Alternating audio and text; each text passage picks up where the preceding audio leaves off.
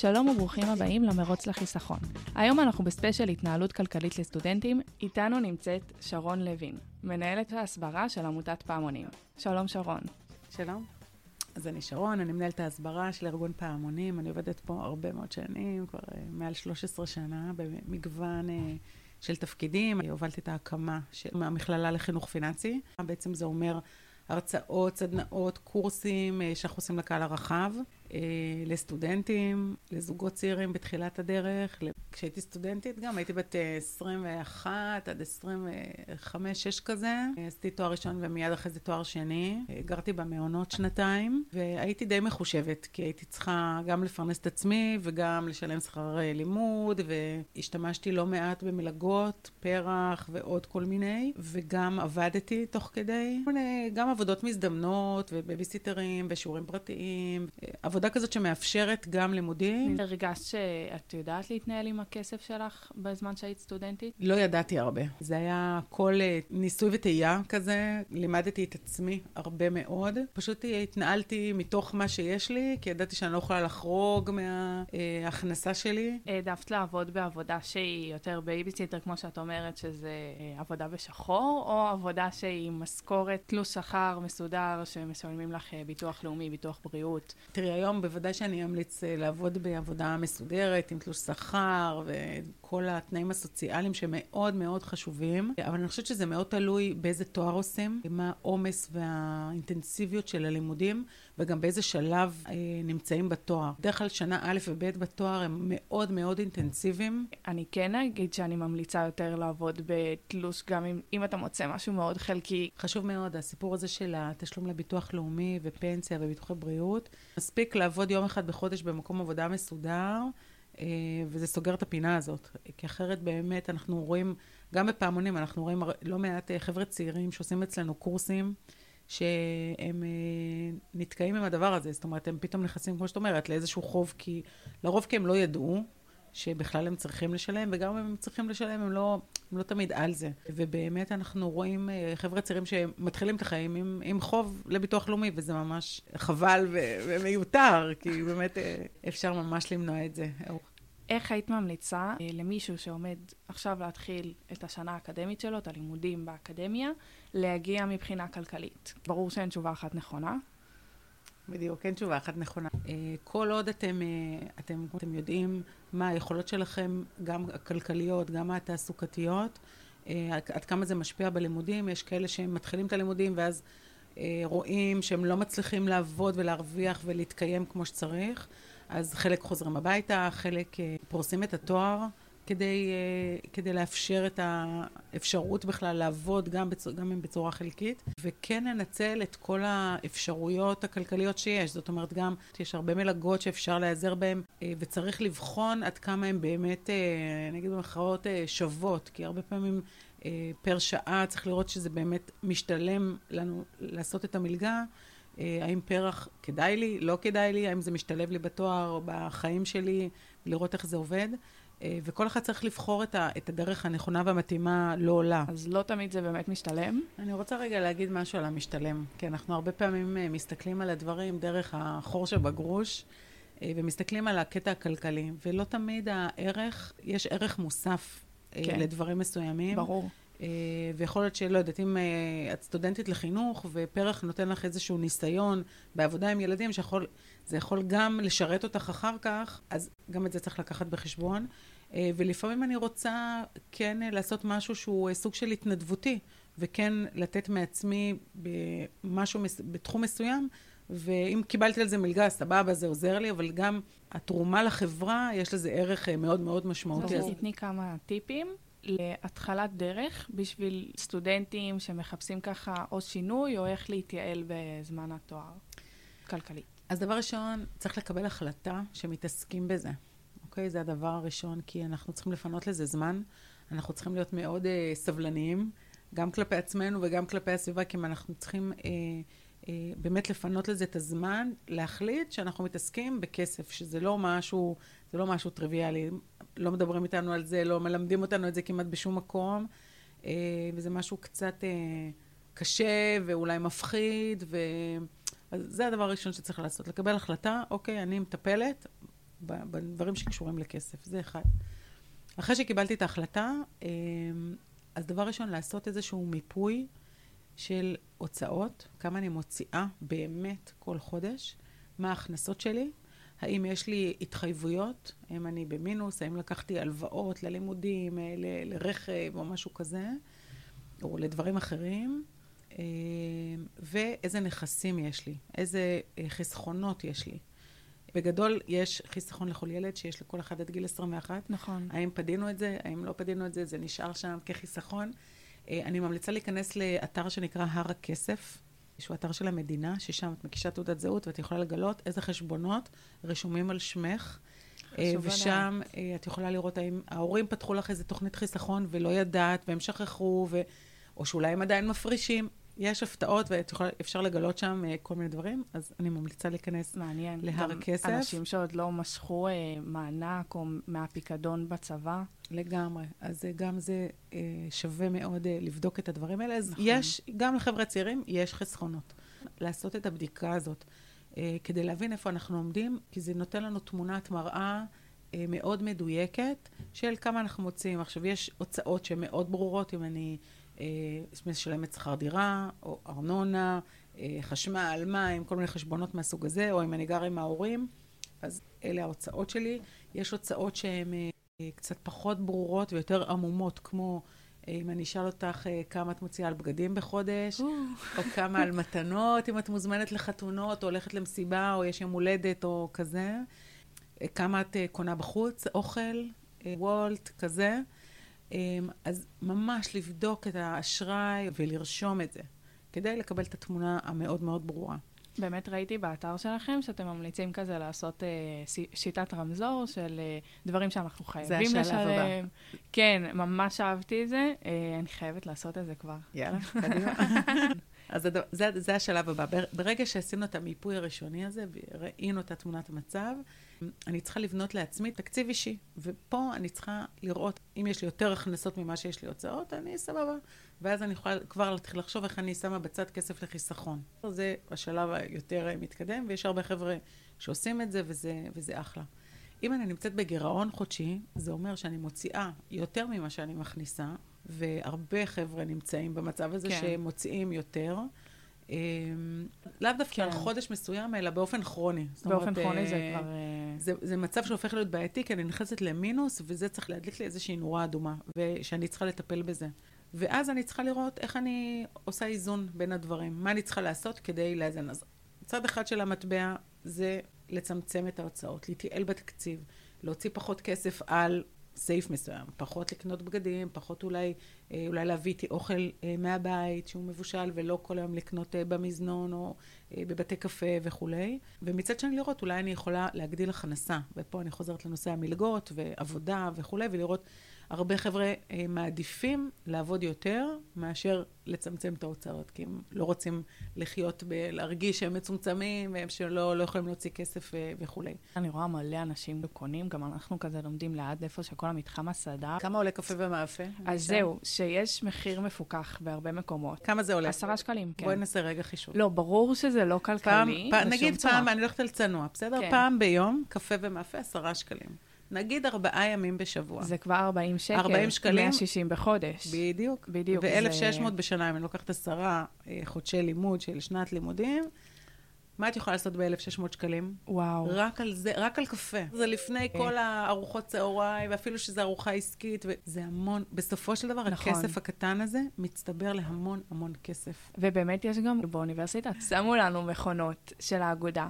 שקפה שם עולה שני שקלים ויש חלב חופשי, ולצמצם ככה עשירית מחיר בקפה. אז הנה, את מצאת דרך לעשות אה, התייעלות הזאת בתקציב. עכשיו, אני לא נכון. לא אומרת, אל תקנו קפה, זה לא מה שאני אומרת. תקנו קפה, בכיף, אבל תבדקו שאתם יכולים לעמוד בזה. נכון. בסדר? אבל כן יש מלא דרכים, גם באוניברסיטה. אתה יכול לקנות קפה ב-14 שקל, ואתה יכול גם לקנות כריך גדול וקפה גדול ב-20 שקל. ו... כריך יכול לעלות 30. אז uh, גם צריך זה לדעת את כל המחירונים המפוקחים של גם אם נתקעת בלי אוכל לאיזה יום, ואני משתדלת להביא את האוכל מהבית ולהתנהל uh, ככה מראש, אבל כן, גם לי קורה מלא ימים שאני מפספסת להביא את הארוחה, אז אני כן uh, יודעת את המחירים המפוקחים ומשתדלת כן לקנות משהו בפיקוח. זה הסדרי העדיפויות שלנו, בעצם מה חשוב לנו יותר, מה חשוב לנו פחות, ואיך זה מתבטא בכסף, בתקציב שלנו. כי אם יותר חשוב לי הקפה והמאפה, אז uh, סבבה, אז אני אוציא ואני ארגיש עם זה ממש בסדר והכל טוב. Uh, אבל אם אני רוצה לחסוך את ה-1,600 שקלים האלה בשנה, ויותר חשוב לי עם זה, לא יודעת, לטוס לכמה ימים לחו"ל, אז זה הסדרי העדיפויות שאנשים צריכים לעשות. מתוך זה בעצם לצאת לתקציב האישי שלי. עכשיו, הרבה פעמים יש נפילות, או שכחתי, או לא הספקתי, וזה הכל טוב. אז אם חודש אחד חרגתי, אז חודש הבא אני אתקן, ואז אני... לגמרי. ישלים ויעשה את ה... ימצא את הדרכים כן אה, להתאזן שוב. אנחנו צריכים לעקוב אחרי הדבר הזה, להבין, טוב, עכשיו הוצאתי, חרגתי באלף שקלים אה, בחודש הזה, איך אני יודעת את זה? כי עקבתי, כי השתמשתי באפליקציה, או השתמשתי באקסל, או רשמתי לי את ההוצאות. המעקב והבקרה הוא גם סופר חשוב. אז אפשר בסוף שבוע לשבת, לעבור על כל ההוצאות, לראות מה הוצאתי, איפה אני עומדת, להשוות את זה לחשבון הבנק. פעם בחודש לעבור על הדברים ברמה חודשית כדי לראות אם אני עומדת ולא עומדת בזה, וגם פעם בשנה. אה, גם צריך לעשות ככה איזשהו ריסטארט כזה לקראת אה, שנת לימודים. לגמרי. ו... וכולי, ובתוך התכנון הזה, השנתי, אני גם ממליצה מאוד להגדיר לעצמנו איזה שהם מטרות, איזה שהם יעדים כלכליים, שלשם אני רוצה להגיע. ולהכניס את זה לתוך התקציב. אם אני רוצה, דיברתי על טיול לחו"ל לכמה ימים, אז סבבה, אני צריכה לדעת כמה זה עולה, מתי אני רוצה לטוס, כמה חודשים נשארו לי עד לתאריך היעד, ולהבין שאני צריכה להפריש לזה איזשהו סכום כסף כל חודש, כדי שאני אוכל בסוף לממש את החלום הזה. עכשיו, זה יכול להיות טיול, זה יכול להיות באמת חיסכון אה, ללימודים, או חיסכון באמת לכל דבר, לשים את זה כיעד, להפריש איזשהו סכום, כדי שאני אוכל להגיע ולממש את המטרות שלי. מטרה לעתיד, להזכיר לך כל יום שיש לך את המטרה הזאת, ומה אתה עושה בשביל זה. אה, אני רוצה קצת לעבור להתנהלות במגורים. אה, שותפים, לגור בבית עם ההורים, לגור עם בן זוג, בת זוג, ליד האוניברסיטה. לא קרוב לאוניברסיטה. צריך דבר ראשון אה, לעבור על התקציב, כי גם בתוך הסעיפים התקציביים יש גם את כל נושא הדיור. אה, ויש כל מיני שיקולים של איפה לגור. אם אני רוצה באמת לחסוך, ויש לי אפשרות לגור אצל ההורים, וזה גם מבחינה משפחתית, זה טוב לי, כאילו צריך לראות שזה אפשרי. ובזמן הזה לנסות לחסוך את, ה, את מה שאני לא משלמת, את השכר דירה, ארנונה, חשמל, דברים כאלה, אם אפשר לשים איזשהו סכום בצד בשביל ההמשך. אה, עד כמה זה קרוב לי, כמה זמן לוקח לי להגיע מהבית לאוניברסיטה. אז צריך להסתכל על כל השיקולים האלה, אם אני מחליטה להיכנס אה, לשכירות עם אה, שותפים או עם בן או בת זוג, אז גם פה צריך להסתכל גם על הפן הכלכלי, כמה זה עולה לי, כמה אני יכולה אה, לממן את הדבר הזה, לקבל את ההחלטה. עכשיו, אם גרים למשל בדירת שותפים, אז יש הרבה הוצאות על הדירה, על ניקיונות, על קניות של אוכל, כל הדבר הזה, על ריהוט לפעמים של, ה, של הדירה. נכון. יש אפליקציה, נדמה לי Splitwise. Splitwise, כן. שהיא מאוד מוכרת ועוזרת, חינמית, עוזרת מאוד בניהול של הדבר הזה. לא רק שותפים משתמשים בה, אגב, הבנתי שגם בני זוג אה, שגרים ביחד. הרבה חבר'ה הולכים ליד שנייה, לרטרו. נכון. יש המון קבוצות פייסבוק של אה, למסור, ומוצאים רהיטים, ומוצאים דברים ממש חדשים שאפשר לקחת אותם, ממש לרהט דירה שלמה. ב Marketplace. באמת יש המון המון אפשרויות היום בדבר הזה, וממש לא חייבים לקנות חדש. זה גם סביבתי, זה גם חסכוני, וגם אה, באמת זה, הרבה פעמים זה שווה. מכירה הרבה אנשים שריהטו דירה שלמה ב Marketplace, זה אפשרי. נעבור קצת לנושא של אוכל, איך מתנהלים עם אוכל בדירה, מבשלים לפני, איפה קונים, בסופר הקרוב והיקר, או הזול והטיפה יותר רחוק. תלוי איפה גרים, כמה הסופר קרוב או לא. אני כן אמליץ אה, לעשות קנייה פעם בשבוע בצורה מסודרת, קנייה גדולה, פחות להשתמש במכולת השכונתית, כי באמת היא יותר יקרה. תמיד. אבל לפעמים צריך, וזה בסדר, כאילו לעשות את ההשלמות האלה במכולת. אה, הרבה חבר'ה משתמשים במשלוחים, ועושים את, בכלל את כל הקניות אונליין ולא פיזי, אז צריך גם פה לשים לב שלא מתפתים, לשים לב לעלויות של משלוח. לפעמים אם קונים על סכום מסוים זה משלוח חינם. יש לזה את היתרונות והחסרונות. קנייה של מזון יש המון המון טיפים בצרכנות. כן. גם באתר שלנו יש לנו חוברת טיפים בצרכנות נבונה, שכוללת בה גם את הקניות מזון. דבר ראשון, לבדוק מה יש לנו בבית. להכין איזושהי תפריט שבועית. להחליט מה אני מבשלת כל יום, אם אנחנו אוכלים בדירה כל יום. לפי זה לבדוק מה יש לנו בבית. אז הרבה מצטברים לי כל מיני, אה, זה יכול להיות פסטות, זה יכול להיות שימורים, נכון. אז לבדוק מה יש לי בבית, ורק אז להכין את הרשימת קניות, ומתוך זה להגיע לסופר. אני כמובן תמיד אמליץ לבשל בבית, זה הרבה יותר חסכוני מלצאת לאכול. גם אני מכירה מלא שאומנם לא יודעים אולי לבשל, אבל הם לוקחים אוכל מההורים, אוכל מוכן או מבושל. אפשר גם בהחלט אה, לקחת מההורים גם אה, מזון מבושל וגם מזון יבש, או אפילו דעת פירות ירקות, דברים כאלה. נכון. זה אחלה זמן ללמוד לבשל, יש המון סרטונים, ובכל כן. הרשתות יש את כל השפים וקונדיטורים וכל מיני... כן. אז אי אפשר לבשל הרבה. לא זוכרת מה אכלתי לאחרונה מבושל. אני גרתי אמנם ליד סופר, נראה לי אחד היקרים בארץ. הייתי גרה ממש מעל הסופר. והייתי משתדלת לא לקנות שם, ולקנות כן את המוצרים בסופר שהוא מאוד זול. מרחק נסיעה של עשר דקות אמנם. כן הייתי שם קונה שתיים, שלוש שקיות וסוחבת את זה הביתה. ואת המוצרי השלמה הייתי כן קונה בסופר שקרוב אליי הביתה, והייתי משתמשת בתווי אה, קנייה, שהיו חוסכים לי בערך 30 אחוז אה, מהקנייה, וזה ממש עזר לי, ואני יודעת שיש לזה כמעט כבר לכל הסופרים, את כל התווי קנייה והקופונים. כן ממליצה לעשות את החושבים עם אה, תווי קנייה וכמה זה יוצא משתלם בסופו של יום. נכון מאוד. וגם הנושא של המותגים, הרבה פעמים המותגים... המותג הפרטי הרבה יותר זול. המותג הבית הוא הרבה יותר זול, יש המון המון טיפים בדבר הזה. למשל, כל המוצרים שנמצאים אה, בגובה העיניים הם בדרך כלל יותר יקרים, ועדיף לקנות נכון. מוצרים שנמצאים במדפים התחתונים או העליונים. לעשות השוואה העלאת מחירים. לעשות, לא להגיע רעבים לסופר. היה לי באמת סוג של קנייה, זה היה נקרא קניית מבצעים. הייתי מגיעה, ולפעמים היה כזה שתי חבילות ברוקולי בעשר, אה, אוכמניות בשמונה שקלים, כזה מבצעים של סוף יום, סוף שבוע, לא יודעת איך לקרוא לזה ממש. וממש הייתי עושה קניית מבצעים, וזה היה יוצא איכשהו משתלם, לפעמים זה לא היה מוצרים שהייתי קונה בדרך כלל, כמו אוכמניות. אז צריך לשים לב לזה, כי הרבה פעמים יש אה, יום שוק בחלק נכון, מהסופרים, ואז באמת אה, זה יותר זול. אבל צריך לשים לב גם למבצעים, כי לא תמיד אנחנו צריכים אה, שניים בעשר. נכון. אה, ולפעמים זה סתם נתקע לנו בבית. אפשר להקפיא. העניין הוא שאם יש לנו את הדברים האלה בבית, אנחנו בדרך כלל נצרוך יותר. נעשה מחקר בארצות הברית לפני די הרבה שנים על אה, נושא של אה, משחות שיניים. קחו שתי קבוצות, קבוצה אחת, אה, כל אחד בעצם קיבל עופרת של משחת שיניים אחת, ובקבוצה השנייה כל אחד קיבל שלוש. נחשי מי ישתמש יותר, למי נגמר מהר. אלה עם השלוש. אלה עם השלוש. כן. למה? כי זה היה להם זמין. זה, כן. הם לא ממש, את יודעת, השתמשו עד הסוף במשחה בשפופרת, וכבר פתחו עוד אחת, כי זה היה פשוט נמצא וזמין. זה בעצם גורם לנו לצריכת יתר. נכון, אבל לפעמים שתייה ממותקת, לא שאני קונה, אבל זה אחלה דוגמה, כי אם אני קונה בקבוק אחד, יעלה לי לפעמים שמונה שקלים, ושישייה תעלה אה, חמישה שקלים לבקבוק. להיות על זה פשוט. אה, צריך לדעת גם, הנתונים של הלמ"ס אומרים שאנחנו זורקים 30 אחוז מהאוכל שלנו. זה אומר, תחשבי, לקחת 100 שקלים וזרקת 30 שקלים לפח. אין סיבה. לכן אמרתי, לבדוק, לעשות תפריט, לראות מה יש לי בבית, ולפי זה לעשות את הרשימת קניות. אנחנו ממליצים הרבה פעמים להגיע לקופה, ואז עוד פעם להסתכל על העגלה, ולהוציא עשרה אחוז מהמוצרים. כי אולי הגזמתי, אולי שמתי עוד, ובאמת אני לא באמת באמת צריכה. עוד המלצה שאני אתן בסופר, זה להגיע עם סכום. לדעת, אני לא מוציאה יותר מ...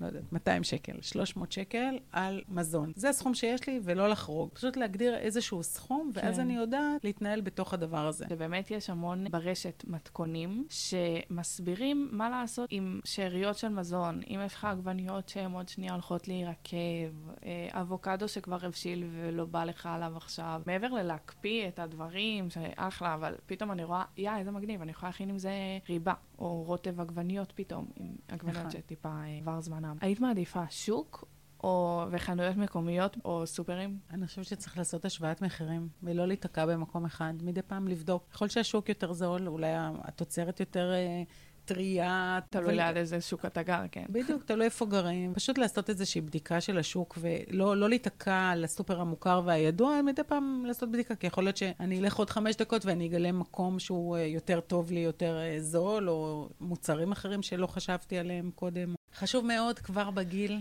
הצעיר הזה, אה, גילאי 20 פלוס, להתחיל לחסוך. ככל שאנחנו חוסכים מגיל צעיר יותר, התשואה שאנחנו נקבל היא תהיה הרבה יותר אה, גבוהה, ולכן אה, חשוב מאוד כבר להתחיל, אפילו אם זה 100 שקלים בחודש, 200 שקלים בחודש, מה שאפשר לחסוך, להתחיל לשים את זה בצד. כל נושא הפנסיה, שחשוב מאוד אם אנחנו עובדים בעבודה מסודרת, או אם אנחנו עצמאים, לוודא שהמעסיק מפריש לנו לפנסיה אחרי חצי שנה בעבודה ראשונה, אם זה עבודה שנייה, לפעמים זה מיד ולפעמים זה שלושה חודשים. אתם יכולים לבחור את קרן הפנסיה, אה, זה לא משהו שמוכתב לנו, זאת אומרת, יש דיפולטים של כל מעסיק, שהם עובדים עם כל מיני חברות פנסיה באופן, אה, בדיפולט, אבל אנחנו יכולים כצרכנים אה, להחליט אם עבדתי במקום אחר ועכשיו אני עוברת למקום עבודה חדש, אז להמשיך להפריש לאותה קרן, לא לפתוח עוד קרן, זה ממש ממש חשוב. כל הזמן לשאול, להתייעץ, זה ללמוד את הנושא, משהו שלא ברור לי, אה, לשאול את ההורים, את החברים, ללכת לייעוץ מקצועי, לשאול בבנק. אה, ללמוד לבד באינטרנט, יש המון המון אפשרויות, הידע קיים, אין, אין בעיה. אה, לבוא לקורס שלנו, אה, אני כמובן, אני אזמין, אבל הנושא הזה של כל הזמן לשאול וכל הזמן להתייעץ ולבדוק, הוא סופר סופר חשוב. נכון. בטח בתחום הזה של הכסף. זה מעניין, גם אני רואה לאט לאט אה, יותר פתיחות לדבר על כסף. היום יש כבר הרבה אנשים ברשת שמדברים, הרבה ארגונים. נכון, ו... אני חושבת שזה גם בגלל מה שקורה במשק עכשיו, כן. ואני חושבת שהיוקר המחיה והשיח סביב יוקר המחיה, עליית המחירים, הריבית שעלתה ככה שבע פעמים תוך חצי שנה, אה, השיח התקשורתי מאוד מאוד גרם ככה להתעניינות והעלאת המודעות לכל הנושא הזה. לגמרי. אז אה, מסכימה. תודה רבה שרון על כל העצות. זה הכל להפעם. מקווה שעזרנו לכם לייעל את החיים באוניברסיטה, ונתראה בפעם הבאה.